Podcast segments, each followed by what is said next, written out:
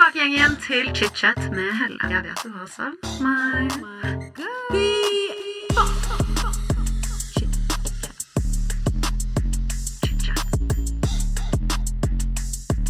Hei alle sammen, og velkommen tilbake til chit-chat. I dagens episode får jeg besøk av Lise Christoffersen, kanskje enda bedre kjent fra Instagram-profilen Pengesnakk.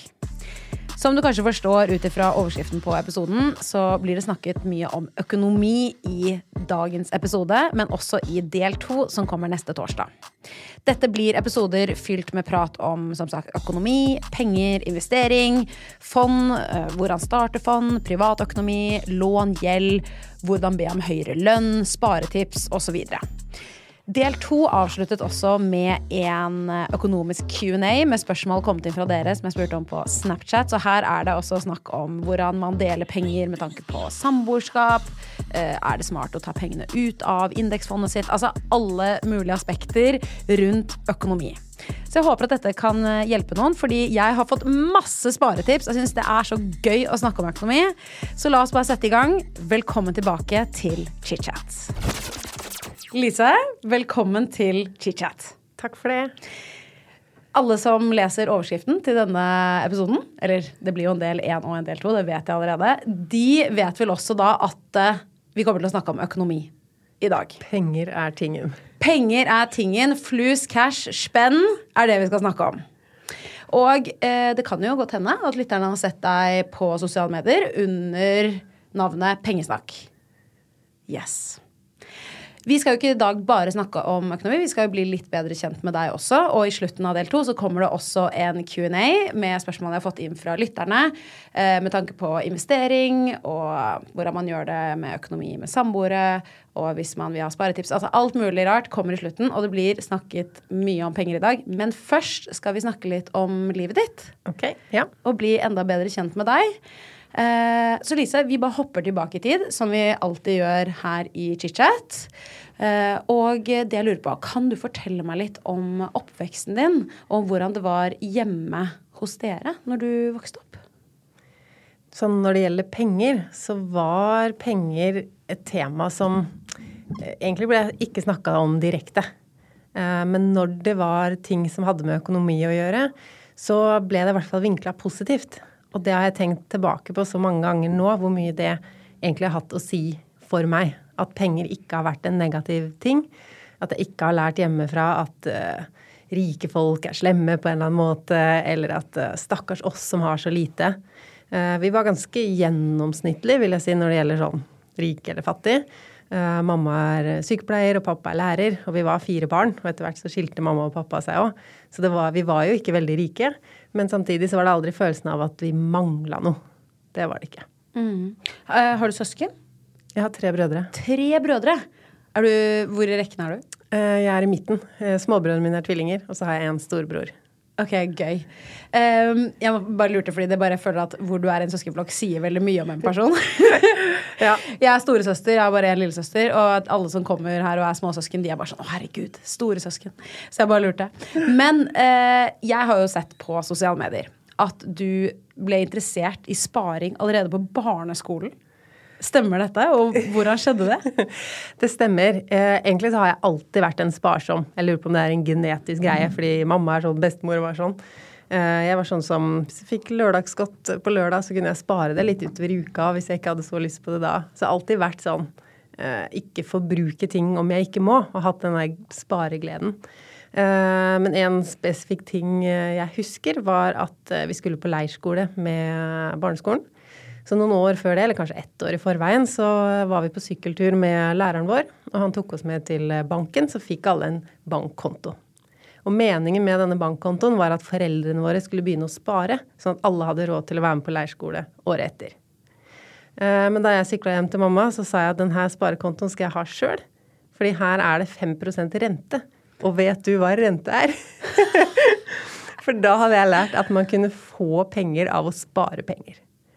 Og sånn som nå, som voksen, så er det jo så mange ting man kan tjene penger på. Men som barneskoleelev, veldig begrensa hva man kan tjene penger på. Så å sette inn sparepengene mine, og så få rentekroner, det syns jeg var helt magisk. Ryan Reynolds here from Mint Mobile. With the price of just about everything going up during inflation, we thought we'd bring our prices down. So to help us, we brought in a reverse auctioneer, which is apparently a thing. Mint Mobile unlimited premium wireless. Ready to get 30, 30, bit to get 30, bit to get 20, 20, 20, bit to get 20, 20, bit to get 15, 15, 15, 15 just 15 bucks a month. So, Give it a try at mintmobile.com slash switch. $45 upfront for three months plus taxes and fees. Promo for new customers for limited time. Unlimited more than 40 gigabytes per month. Slows. Full terms at mintmobile.com. One size fits all seems like a good idea for clothes until you try them on. Same goes for healthcare. That's why United Healthcare offers flexible, budget friendly coverage for medical, vision, dental, and more. Learn more at uh1.com.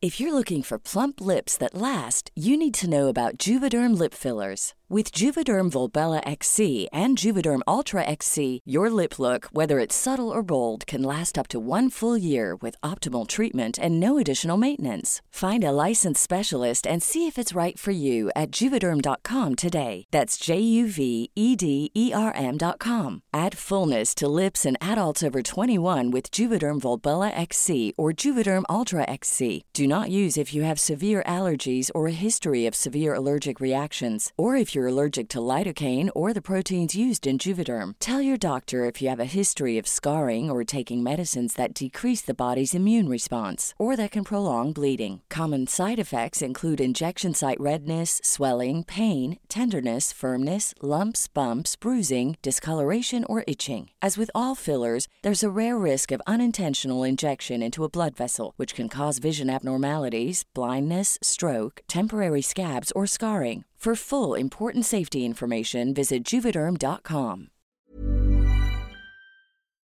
Men sinnssykt at du forsto hva renter er i det hele tatt i den alderen. Ja, jeg hadde jo ikke hørt begrepet før den dagen, men da lærte jeg meg det og ble helt sånn wow. Wow. Men det skjønner jeg jo, da. Fantastisk måte å tjene penger på. Eh, Veldig tidlig ute. Og så var det litt senere en gang at uh, mamma sa Det var ikke sånn at vi hadde en samtale om det, men hun nevnte sånn Ja, huset vårt er verdt en million. Og for meg så var det et sånn megasjokk. Uh, for jeg tenkte jeg har jo lyst på mitt eget hus en eller annen gang når jeg blir voksen. Uh, og jeg visste jo ikke at det var vanlig å ha boliglån, så jeg tenkte at jeg må ha én million kroner hvis jeg skal ha et hus. Hvis ikke så må jeg kanskje bo på gata, eller jeg vet ikke hva annet jeg skal finne på, men jeg måtte liksom ha den millionen. Eh, og så fikk jeg ukelønn da, hvis jeg vaska badet, og så fikk jeg trekk i ukelønna hvis jeg banna. Men hvis jeg passa på å snakke pent og vaske badet, så fikk jeg 100 kroner i ukelønn. Og den hundrelappen mot én million, det var jo ja. En dråpe i havet. Sikkert veldig sånn demotiverende. Bare sånn 'Å, herregud, jeg kommer aldri til å få råd til et hus'. Ja. Så da var det sånn at jeg tenkte jeg må få meg en jobb så fort som mulig. Ja. Ja, nei, det skjønner jeg. Men når var det du da begynte å jobbe? Var du ung, eller? Um, Min første sånn ordentlig faste jobb, da var jeg vel 16. Uh, Og før det hadde jeg hatt litt sånn jobber Hver gang det var noe sånn, de trengte noen til noe. Plukke søppel, eksempel, på en festival. Så var det sånn Jeg gjør det! Står opp tidlig før skolen. Uh, eller jeg vaska litt hus og var barnevakt og prøvde jo å finne alle sånne små muligheter. Um, men da jeg var 15 eller 16, så begynte jeg å jobbe i butikk. Ja. Ikke sant. Så da fikk jeg en ordentlig lønn. Ja, Jeg husker jeg fikk min første ordentlige lønn. Jeg, fikk jobb på Rimi da jeg var 13. Ja. Jeg vet ikke om det egentlig er greit engang. Å få jobb på Rimi når man er 13. Man kan vel, Jeg stacket bare hyller, da. Potetstappe i hyllene og Ja, sorterte det er greit. Epler. jeg tror det er liksom. vanskelig å få sånne stillinger nå. At det er så mange andre som vil ha de jobbene. Ja, det er det helt sikkert rett i. Nei, jeg husker pappa var kompis med han på Rimi, så da fikk jeg liksom eh, den jobben. Men jeg husker første lønn. Den var på ca. 2000 kroner. Jeg hadde aldri hatt så mye penger i mitt liv. Og så gikk jeg og svidde av 1600 kroner på et par dieselbukser. Det er det dårligste økonomiske valget jeg har gjort i mitt liv. Jeg husker pappa kom hjem, og han ble nesten sint. Men så var han også bare sånn Men dette her er måten du lærer på. Ja, Nå skjønner du hvor mye du faktisk må jobbe for å kjøpe den utrolig stygge buksen fra Diesel. Eh, jeg gjorde aldri det valget igjen. Det kan jeg si. Ikke sant? Men ja. Men begynte du å spare, eller hva gjorde du med resten av lønningene? Eh, nei, jeg, jeg begynte å spare veldig tidlig. Faren min er regnskapsfører. Så jeg uh, syns økonomi er kjempegøy. Han har vært veldig motiverende eh, og veldig flink til å snakke med meg og lillesøsteren min om økonomi. Han tatt oss med på styremøter siden vi var barn og bare satt oss i hjørnet. Og eh, hver gang han eh, skulle skrive en kontrakt i jobbsammenheng, så fikk vi lov å være med. Eh, og selv om ikke vi forsto så mye, så forsto vi viktigheten av det. Ja. Og jeg tror det gjorde at vi fikk respekt for økonomi eh, på kanskje en litt annen måte enn andre barn. Da. Eh, Men vi fikk aldri ukepenger, det fikk vi ikke. Eh, Og vi fikk ikke sånn her har dere et beløp dere kan handle for. Så vi, det var på en måte Man ser tilbake på det sånn Kanskje litt rart, men samtidig sånn en veldig god oppfølging økonomisk, da. Så jeg begynte å spare veldig tidlig. Men eh, eh, ja. Nei, økonomi syns jeg er kjempespennende. Det er også en av grunnene til at jeg gleder meg skikkelig til å ha deg som gjest. Fordi uh, jeg føler liksom at jeg har fått mye informasjon hjemmefra, men også veldig mye som man ikke får. Så det er også derfor jeg har Jeg har skrevet ned så mye spørsmål til deg i dag. Jeg har bare sånn Alt fatter'n ikke har lært meg, det skal jeg lære av Lisa på jobb i dag. Fyr løs, jeg er klar. Åh, det er nydelig. Men med tanke på økonomi. Eh, jeg tenker at vi går litt sånn gradene eh, fra man er litt sånn kid og liksom frem til i dag når det kommer til økonomi. Og jeg vil bare spørre deg rett ut, da. Hvilket grep kan man ta i ung alder for å skape en sunn økonomi? Tenker du da hva foreldrene skal gjøre mot barna, eller hva barna skal gjøre selv? Eller ungdommer? Nei, altså, Vi kan ta begge perspektivene, da. Jeg tenker, eh, Foreldre kan jo selvfølgelig lære bort, men la oss som et barn, da, eller ikke barnebarn, en tenåring, da, sånn Ja. at du faktisk forstår begrepet penger. Eh, hvordan kan man lære seg på en måte å få en, en god økonomi, eller forstå verdien av penger? Ja. Da ville jeg sagt å skaffe seg en jobb. Uten tvil. Eh, som du sa, da skjønner du jo hva det krever. Og du kan regne alle summer opp. Ønsker du deg et videokamera, da? Hvor mange arbeidstimer er det? Ja, det er kanskje verdt det. Eh, at man har alltid noe å se det opp imot, en sånn lønn. Hva vil du anbefale foreldre å gjøre? Eller hva Hvis man har en tenåring i hus, da. Litt sånn vrang drittunge, som jeg var, i hvert fall. Eh, og jeg vet jo på en måte hva foreldrene mine gjorde riktig og galt, men hva vil du si kanskje er et godt tips da, til foreldre som vil lære barna sine om økonomi? Det her gleder jeg meg så til jeg har fasiten på om noen år. Nå er jo mitt eldste barn eh, seks år. Eh, og nå har jeg funnet ut at det jeg faktisk må lære bort, er følelsen av at det går tomt. Sånn at når vi var i Dyreparken, så hadde han sine penger. Og bare for å føle når han hadde brukt de opp, så hadde han brukt det opp, og det var tomt. At hvis han aldri får den følelsen, hvis jeg går og passer på hele tida, ikke kjøp det, ikke kjøp det, eh, så lærer han heller ikke noe av det. Og jeg tenker sånn som faren din, han var ikke fan av at du kjøpte den buksa. Du var det kanskje selv heller ikke etter hvert. Eh, men der tror jeg ikke jeg ville vært så streng, for jeg tror du lærer av det uansett. Og at du også lærte da at det er kult å ha en jobb. Så lenge jeg tjener mine penger, så kan jeg bruke de på hva jeg vil. Og akkurat nå så var det den buksa. Å få den følelsen at penger er noe positivt. At hvis jeg har penger mellom hendene, så kan jeg eh, få til ting, jeg kan få oppleve ting. Um, mer enn hva foreldrene dine bestemmer at du har økonomi til. Altså den kraften i å ha egne penger. Da tenker jeg at jeg vil ikke være spesielt streng med mine ungdommer. Det var, det var fint sagt, egentlig. Og jeg skjønner viktigheten av det du sier, at det, det kan gå tomt. Fordi eh, jeg snakket med en eh, venn for ikke så lenge siden eh, som har tre kids. Og han eh, eldste er liksom akkurat sånn tenåringssjiktet. Og eh, han hadde vært litt sånn sånn eh, Fatter'n, bare jeg er keen på den nye scooteren der, liksom. Og han var sånn Scooter, vet du hvor dyrt det er?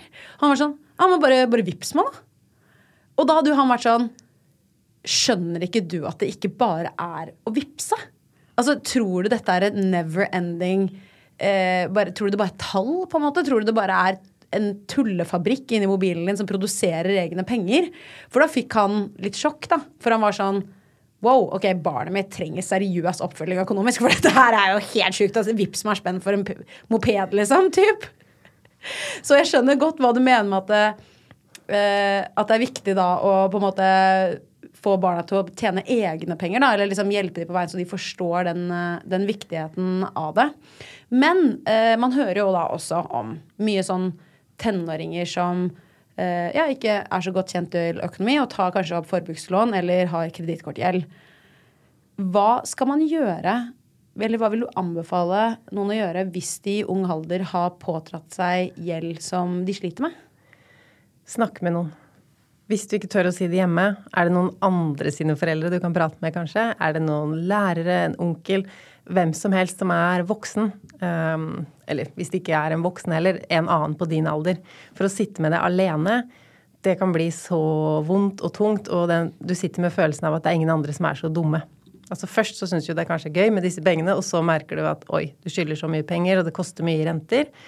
Um, og sitt, ikke sitt med den følelsen aleine. Del det med noen, og så kan dere se på det mer uh, praktisk. For én ting er jo den følelsesmessige biten av det, og så føler man seg kanskje dum. Det er ingen andre som har gjort så dumme valg i økonomien.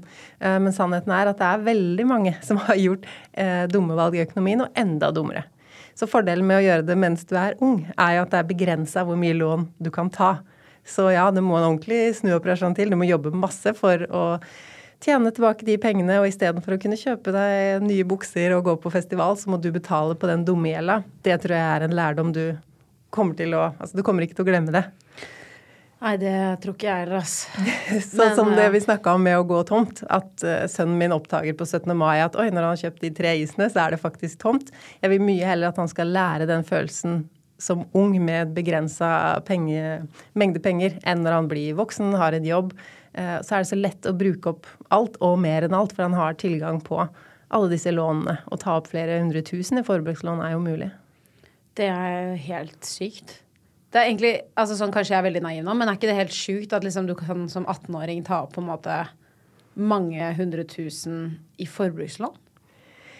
Det skal litt til for at du skal ta opp så mye som 18-åring, men hvis du har inntekt f.eks., så har du jo en sikring, eh, så du kan ta opp ganske mye. Ja, ja. ja. Det er sjukt.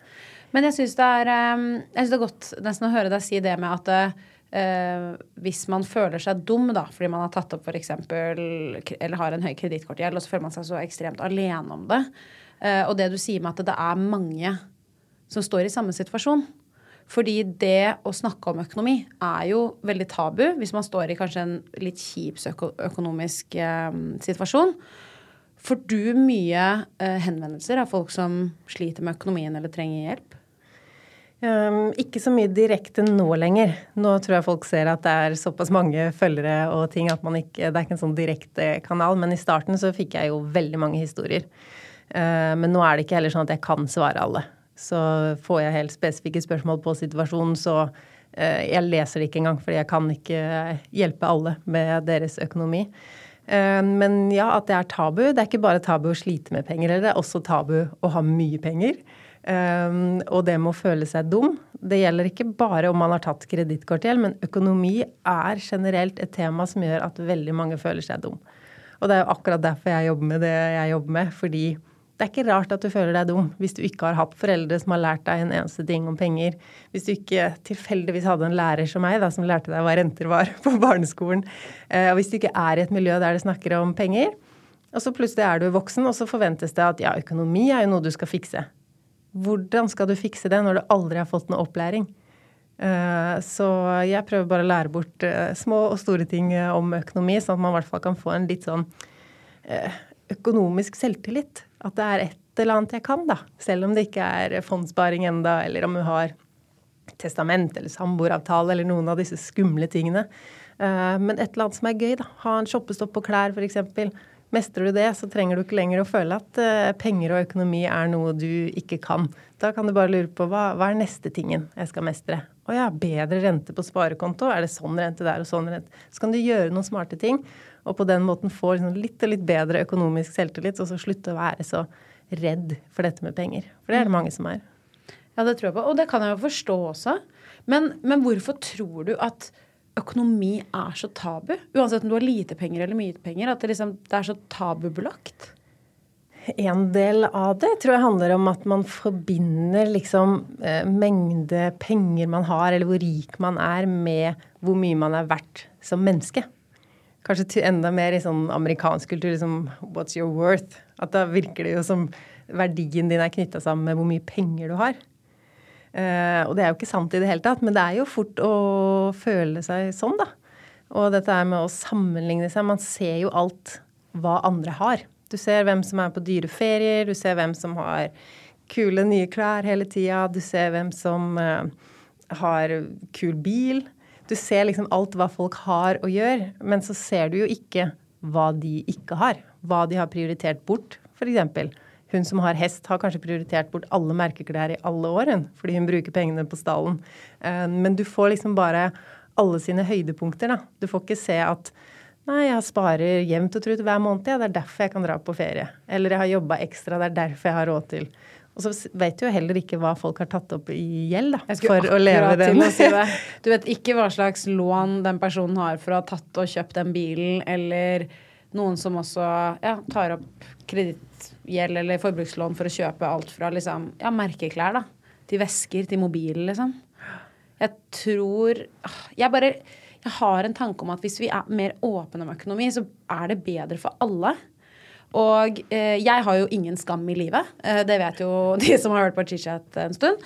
Um, og jeg er jo den personen folk, Noen blir veldig provosert av det, andre syns det bare er gøy å snakke om. Men jeg er den personen som spør om folk sin lønn. Ja. Um, og det gjør jeg nesten litt uh, for å provosere. Fordi jeg syns det er litt gøy, nesten. Og dette høres kanskje kjipt ut når jeg sier det på den måten, men også fordi jeg syns det er gøy å ha en samtale rundt økonomi. Og være litt transparent. Eh, spesielt i yrker hvor det ikke er satt hva man tjener.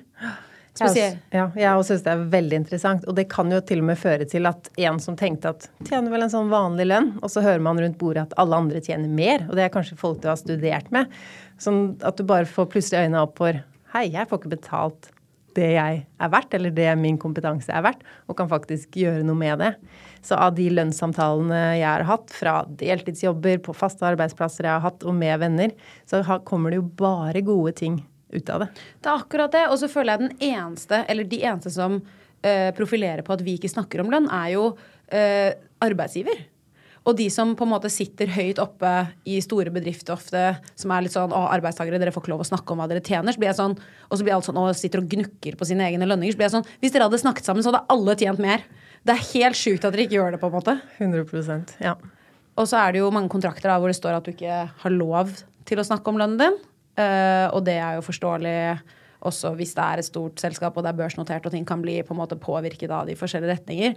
Men jeg, bare, jeg er bare veldig pro åpenhet rundt økonomi, ass. Herregud. Ja. Og så er det jo så rart hvordan f.eks. hva boligen din kosta hvis du har kjøpt ny bolig. Det er det plutselig helt lov å spørre om. Ja, er ikke det rart? Det er, ja, det snakker man om. Men nesten alle andre ting er eh, ja, skal man ikke snakke om. Men uh, snakk i vei, det ser jeg. Det var derfor jeg kalte bloggen min Pengesnakk. Tenkte vi må snakke mer om penger. For her er det så mye smart man kan gjøre um, hvis man begynner å dele. Absolutt, ass. Absolutt. Men la meg hoppe inn i en av de store spørsmålene jeg har, som du sa rett før epis- episodeinnspilling at det kunne nesten vært en egen episode i seg selv. Fordi vi skal snakke litt om fond. Ja. Og det å investere i fond. Eh, dette hører man jo om hele tiden, og man er litt sånn sånn Å, du må tenke langt frem i tid, og det er bare å sette av et månedlig beløp inn på et fond. Men fortell Du meg, har litt Lise. greie på det hele. Det høres bra ut, jeg. Takk. Jeg, er traumatisert av fatter'n. Det er jeg faktisk. Hey, I'm Ryan Reynolds. At Mint Mobile, we like to do the opposite of what Big Wireless does. They charge you a lot, we charge you a little. So naturally, when they announced they'd be raising their prices due to inflation, we decided to deflate our prices due to not hating you. That's right. We're cutting the price of Mint Unlimited from $30 a month to just $15 a month. Give it a try at mintmobile.com slash switch. $45 upfront for three months plus taxes and fees. Promo for new customers for limited time. Unlimited more than 40 gigabytes per month. Slows. Full terms at mintmobile.com. Cool fact a crocodile can't stick out its tongue. Also, you can get health insurance for a month or just under a year in some states. United Healthcare short term insurance plans, underwritten by Golden Rule Insurance Company, offer flexible, budget friendly coverage for you. Learn more at uh1.com. Hiring for your small business? If you're not looking for professionals on LinkedIn, you're looking in the wrong place. That's like looking for your car keys in a fish tank. LinkedIn helps you hire professionals you can't find anywhere else, even those who aren't actively searching for a new job but might be open to the perfect role. In a given month, over 70% of LinkedIn users don't even visit other leading job sites. So start looking in the right place. With LinkedIn, you can hire professionals like a professional. Post your free job on linkedin.com/people slash people today. Men eh, la oss snakke sånn dummies. Hvordan investerer man i et fond? Altså sånn, hvor er fondet? Er det i nettbanken? Må du ringe noen? Går det gjennom din egen bank? Er det et eget Altså, jeg mener nå, ta det fra null. Ja, det er så Hvordan bra du spør om det. man i fond? Um, det som er, er at jeg er jo ikke en finansiell rådgiver, så jeg har ikke lov til å gi råd om at folk skal investere, eller hva de skal investere i.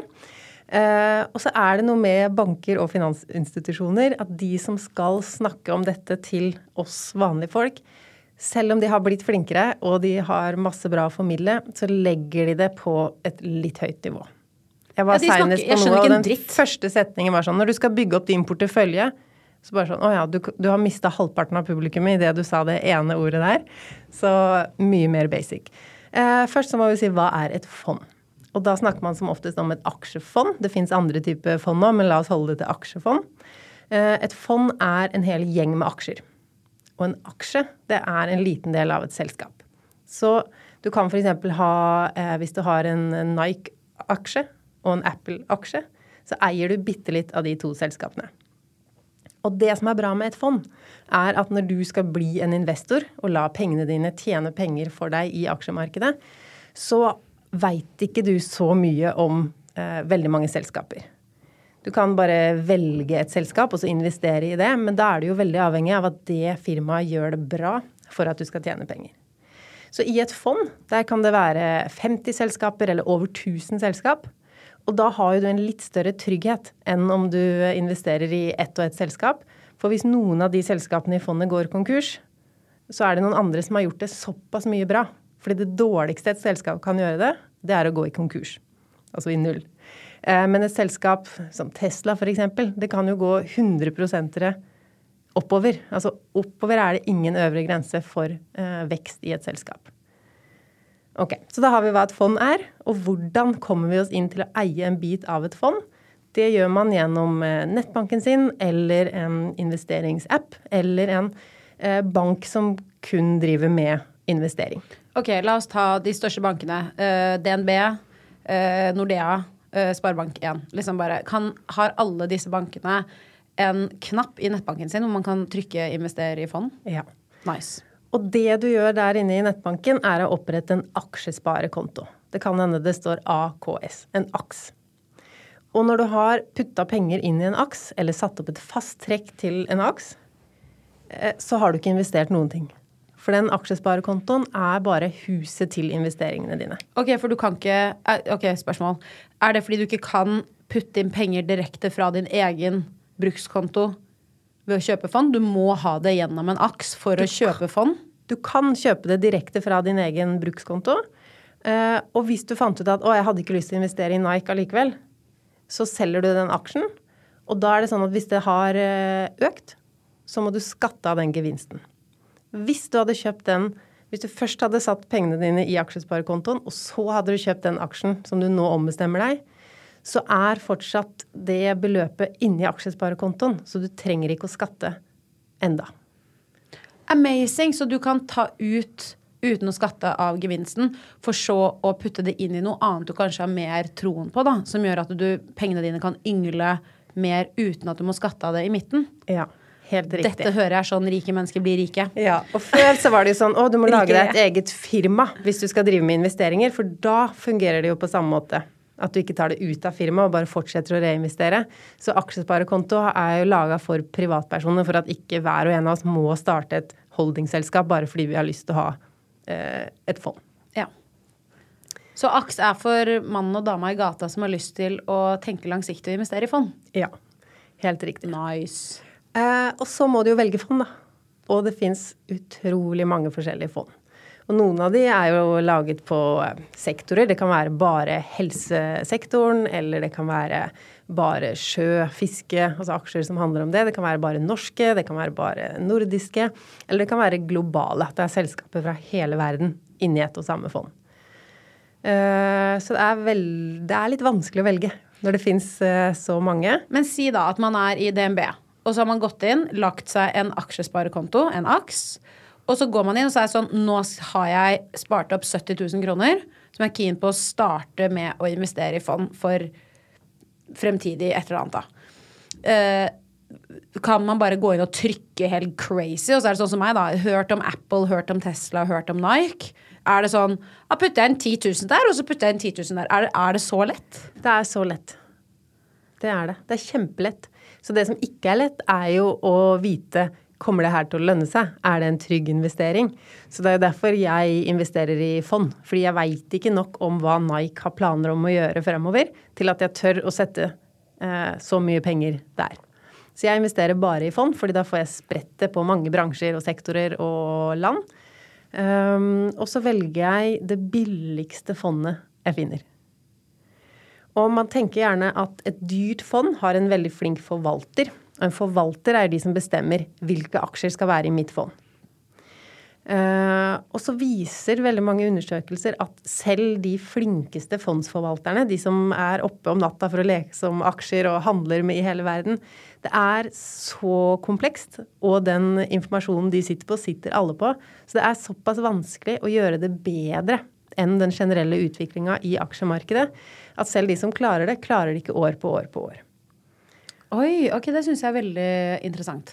Så Derfor finnes det også fond som er bare roboter som investerer, eller at fondet sier at vi investerer i de 1500 største selskapene i verden, vi også er det det.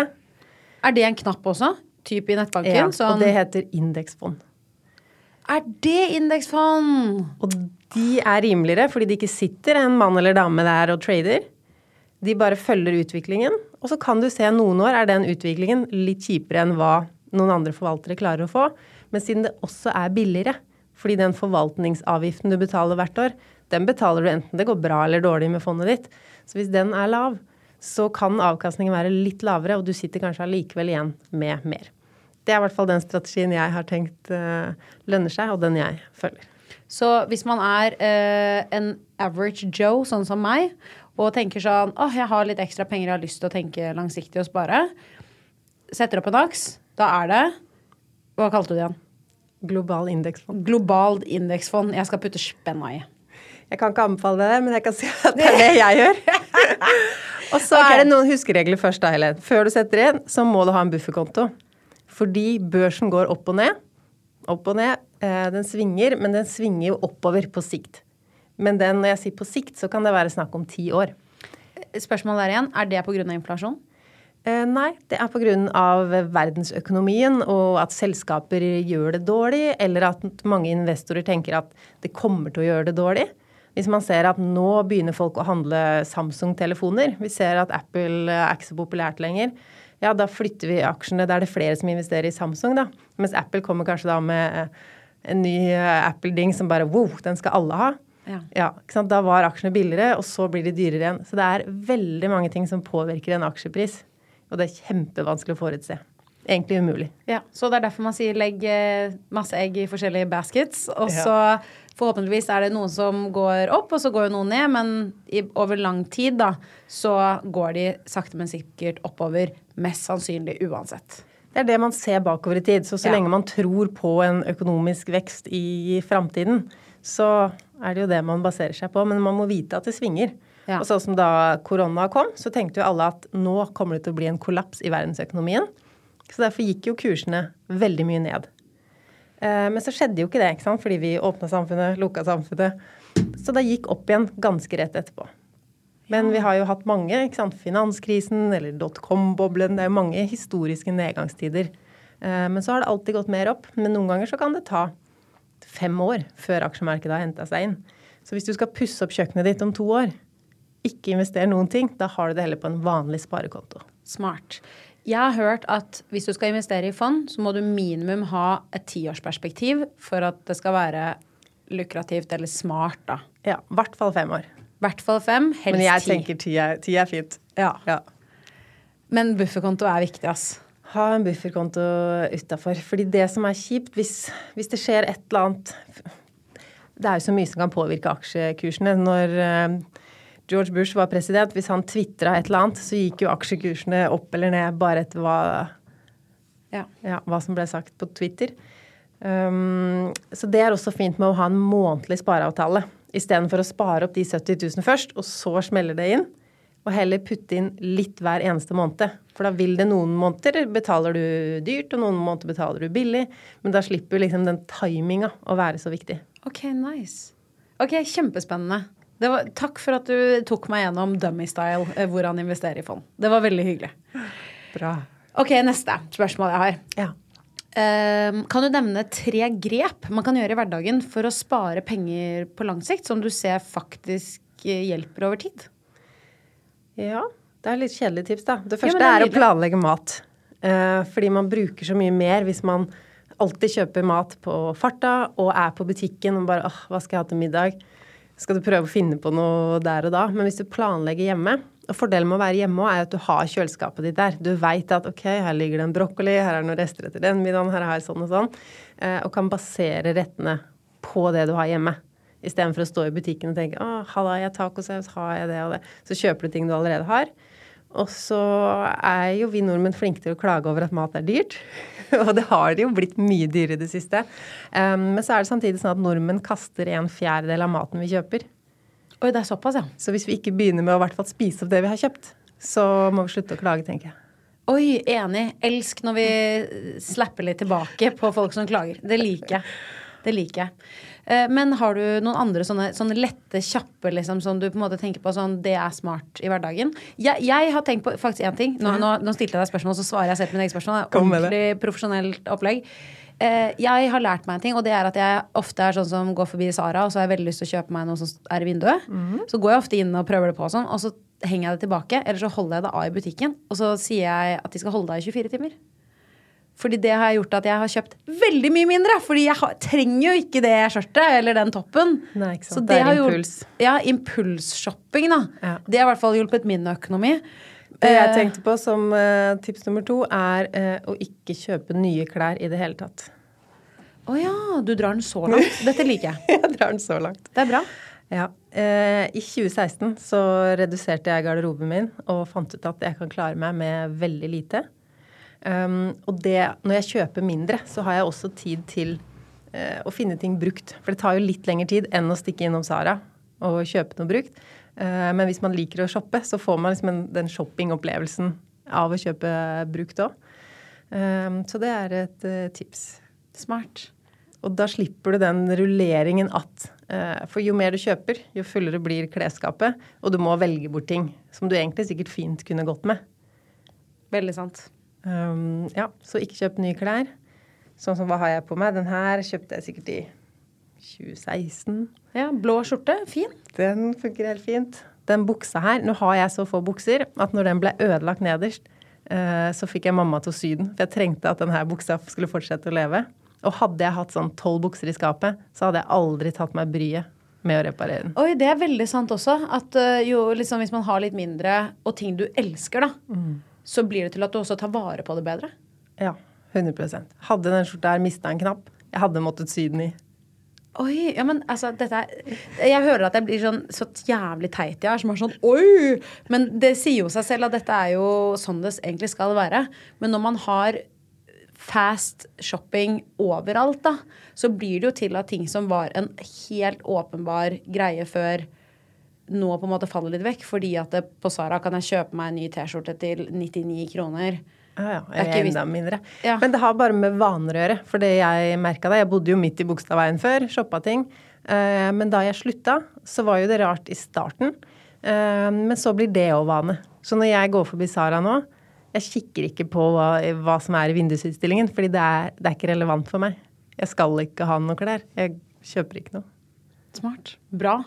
Bra, bra, bra. Har du en siste på tampen som du tenker sånn Hva hadde vi nå? Mat, klær. Nei, nå kom med en du til, da. Eh, månedlig trekk i sparekontoen. Ah. Eh, dagen du får lønning. Fordi da blir du ikke, blir du ikke bitter. Fordi det er andre penger der. Og det trenger ikke være så mye, men en 500-lapp eller noe sånt i måneden. At sparinga går da, ja. Helt genialt. Ja, fordi ja. da trenger du ikke Da blir du ikke så skuffa når du er sånn 'Å, herregud, og dette er dritkjipt', og må ta det en dag hvor du kanskje ikke har så mye spenn. Ikke ta siste uken, liksom. Før nei, du får lønning. Og da er det sånn For det første så må du jo huske på det. Når du har det ikke som et fast trekk, så må du huske på det. Mm. Og så må det være penger igjen. Så du må gå hele måneden og tenke du må sørge for at det er noe igjen. Um, nei, sett det helt i starten, og sett det automatisk, så går det. Istedenfor Og så mot slutten av måneden, hvis du skal spare 2000 kroner, da, og så har du 3000 kroner igjen på konto, så er jo det veldig mye av pengene dine. Mens i starten, hvis du har fått lønn på liksom 25 000, så er jo 2000 veldig lite.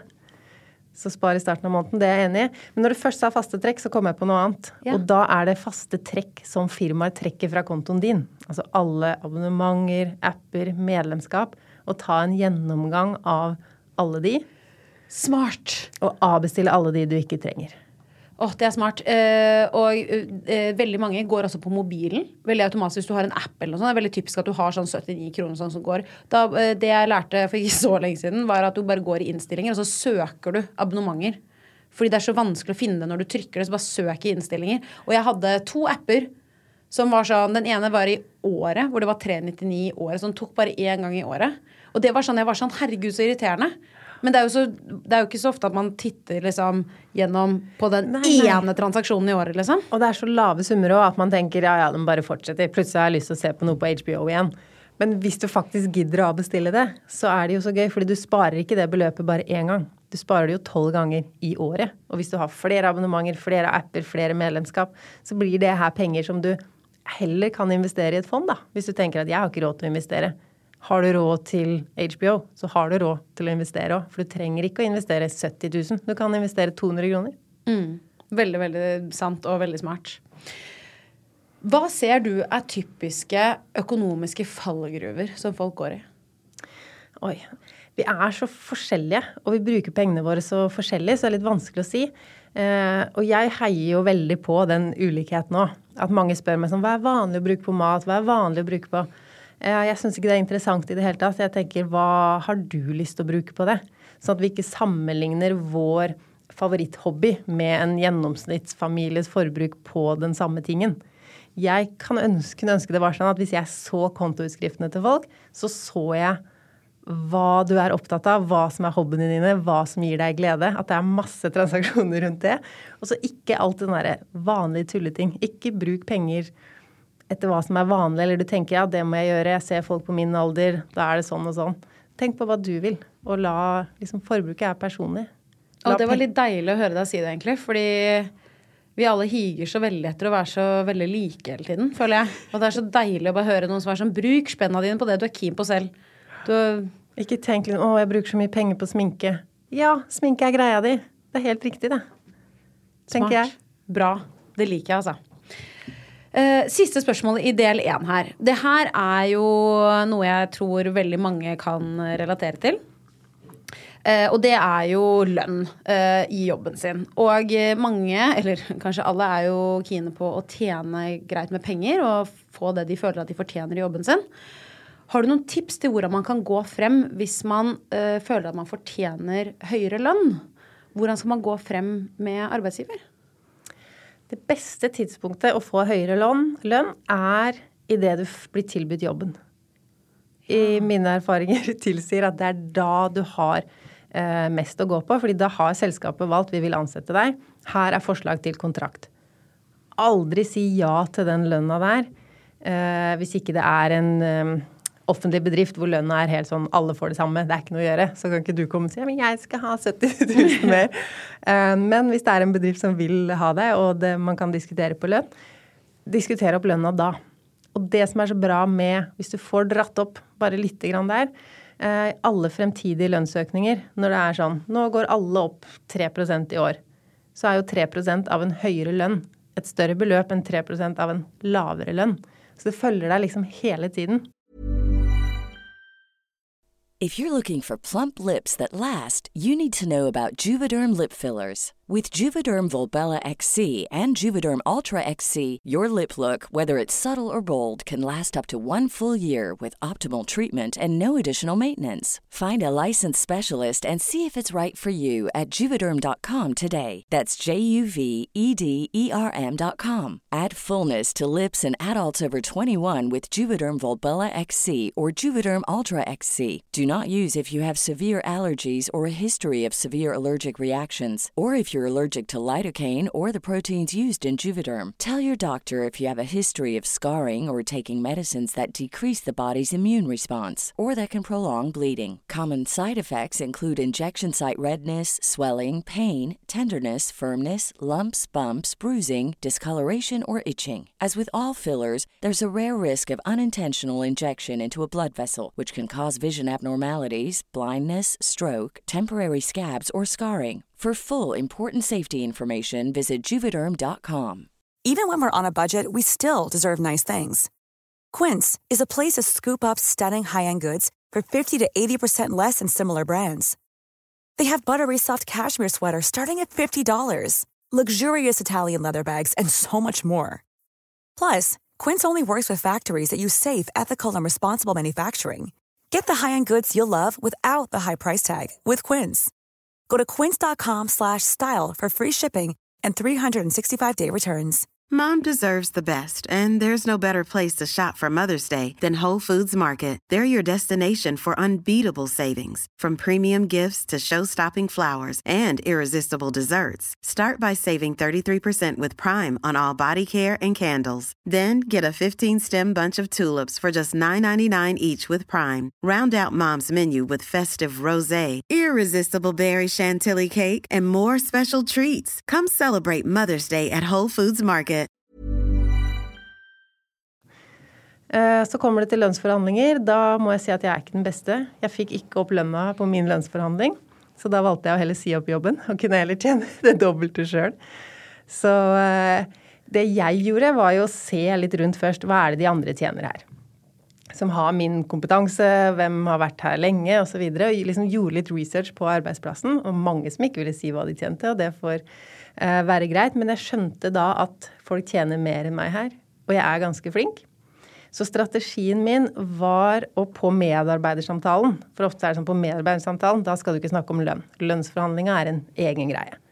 Så på medarbeidersamtalen så var jeg veldig sånn Hva kan jeg gjøre bedre? Hva kan jeg gjøre bedre? Og fikk det svaret at nei, du Det var liksom ikke noe svar hva jeg kunne gjøre bedre. Så det skulle liksom være kronforhandlingskortet mitt. At det, jeg gjør jo mer enn forvent... Eller ja, det er ikke noe jeg kan gjøre bedre her, så jeg fortjener høyere lønn. Uh, og da fikk jeg sånn bitte litt høyere lønn, men uh, nei, ikke nok. Så da begynte jeg å føle sånn ah, Det er ikke så gøy å sitte her og ikke tjene like mye som den som sitter der, og den som sitter der, og den som sitter der. Og da hadde jeg jo begynt å jobbe med pengesnakk sånn på si, og tenkte sånn Kan jeg ta noen foredrag? Er det mer med pengesnakk jeg kan tjene penger på? Uh, så da blei det det. Men det syns jeg er digg av deg å si at du var sånn Jeg følte ikke at jeg fikk det jeg fortjente. Så da begynte jeg å titte andre steder. Og det liker jeg kjempegodt, for jeg føler ofte, og det er meg selv inkludert, at man føler at man liksom skylder arbeidsgiveren sin Vet mye. du hva de sa da jeg hadde sagt opp? Nei. Du kunne jo sagt at du vurderte å si opp, da. Så hadde vi kanskje funnet noe. Åh! Det blir jeg ordentlig oppgitt av, faktisk. Man kan ikke være sånn at man skal true med å si opp, eller faktisk måtte si opp. For det fikk jeg òg tips av en eh, kollega i en annen jobb. Ja, du må være i en annen bedrift i noen år. Så vil de betale mye når du kommer tilbake. Men hvis du elsker bedriften du jobber hos, som mange gjorde på den arbeidsplassen min, så blir det veldig tullete å jobbe to år et annet sted bare for å få den lønna. Ja, så lager du en veldig rar dynamikk da, mellom Ja. deg og arbeidsgiver. Da blir jo kanskje mye av den relasjonen man har bygget opp over mange år, blir litt annerledes, kanskje? Jeg vet ikke. Men eh, ja, nei, det gode tips. Og jeg er helt enig med deg at du skal ikke trenge å true deg til høyere jobb, på en måte. Nei, høyere lønning. Veldig spesielt. Men, eh, eh, men jeg likte tipset ditt med å, å, å gønne litt på i starten, fordi da kjenner de deg heller ikke. Nei. Og for å være helt ærlig, jeg er jo veldig ofte sånn Hvis ikke du står opp for deg selv og eh, sier at du fortjener mer lønn, hvem andre skal gjøre det for deg da? Nei, og så mange jeg prater med er sånn ja, men jeg gjør det bedre, det er bedre om jeg tar det på en lønnsforhandling når jeg har vært der litt. Nei. Mye bedre å gjøre det i starten. Du kan jo ta den lønnsforhandlingen også, men da har du jo et høyere starting point når du er der òg. Og da kan du få enda mer lønn! Woo! Enda mer i lønn. Du, Ja. Men du må sørge for å være flink òg, da. Ellers så har du liksom ikke så, så mange argumenter. Nei, du må være flink og stå på. Absolutt, selvfølgelig. Men uh, Lise, jeg ser nå at vi har holdt på i 42 minutter, så vi må bare avslutte del én her. Uh, og så blir det jo selvfølgelig en del to med masse mer eh, spørsmål og en økonomisk Q&A fra lytterne. Ja, det gleder jeg meg til. Yes, det blir gøy. Det blir kjempegøy. Og til alle dere som har lyttet, så eh, abonner på ChitChat med Helle. Da får du opp eh, del to med Lisa og Pengesnakk neste torsdag. Til deg som har lyttet til denne episoden, hvis du likte det du hørte, så gå gjerne inn i appen og abonner på ChitChat med Helle. Da får du automatisk opp nye episoder hver eneste torsdag. Og hvis du er ekstra grei, så legger du gjerne igjen en review. Det hadde jeg satt kjempestor pris på. Vi høres!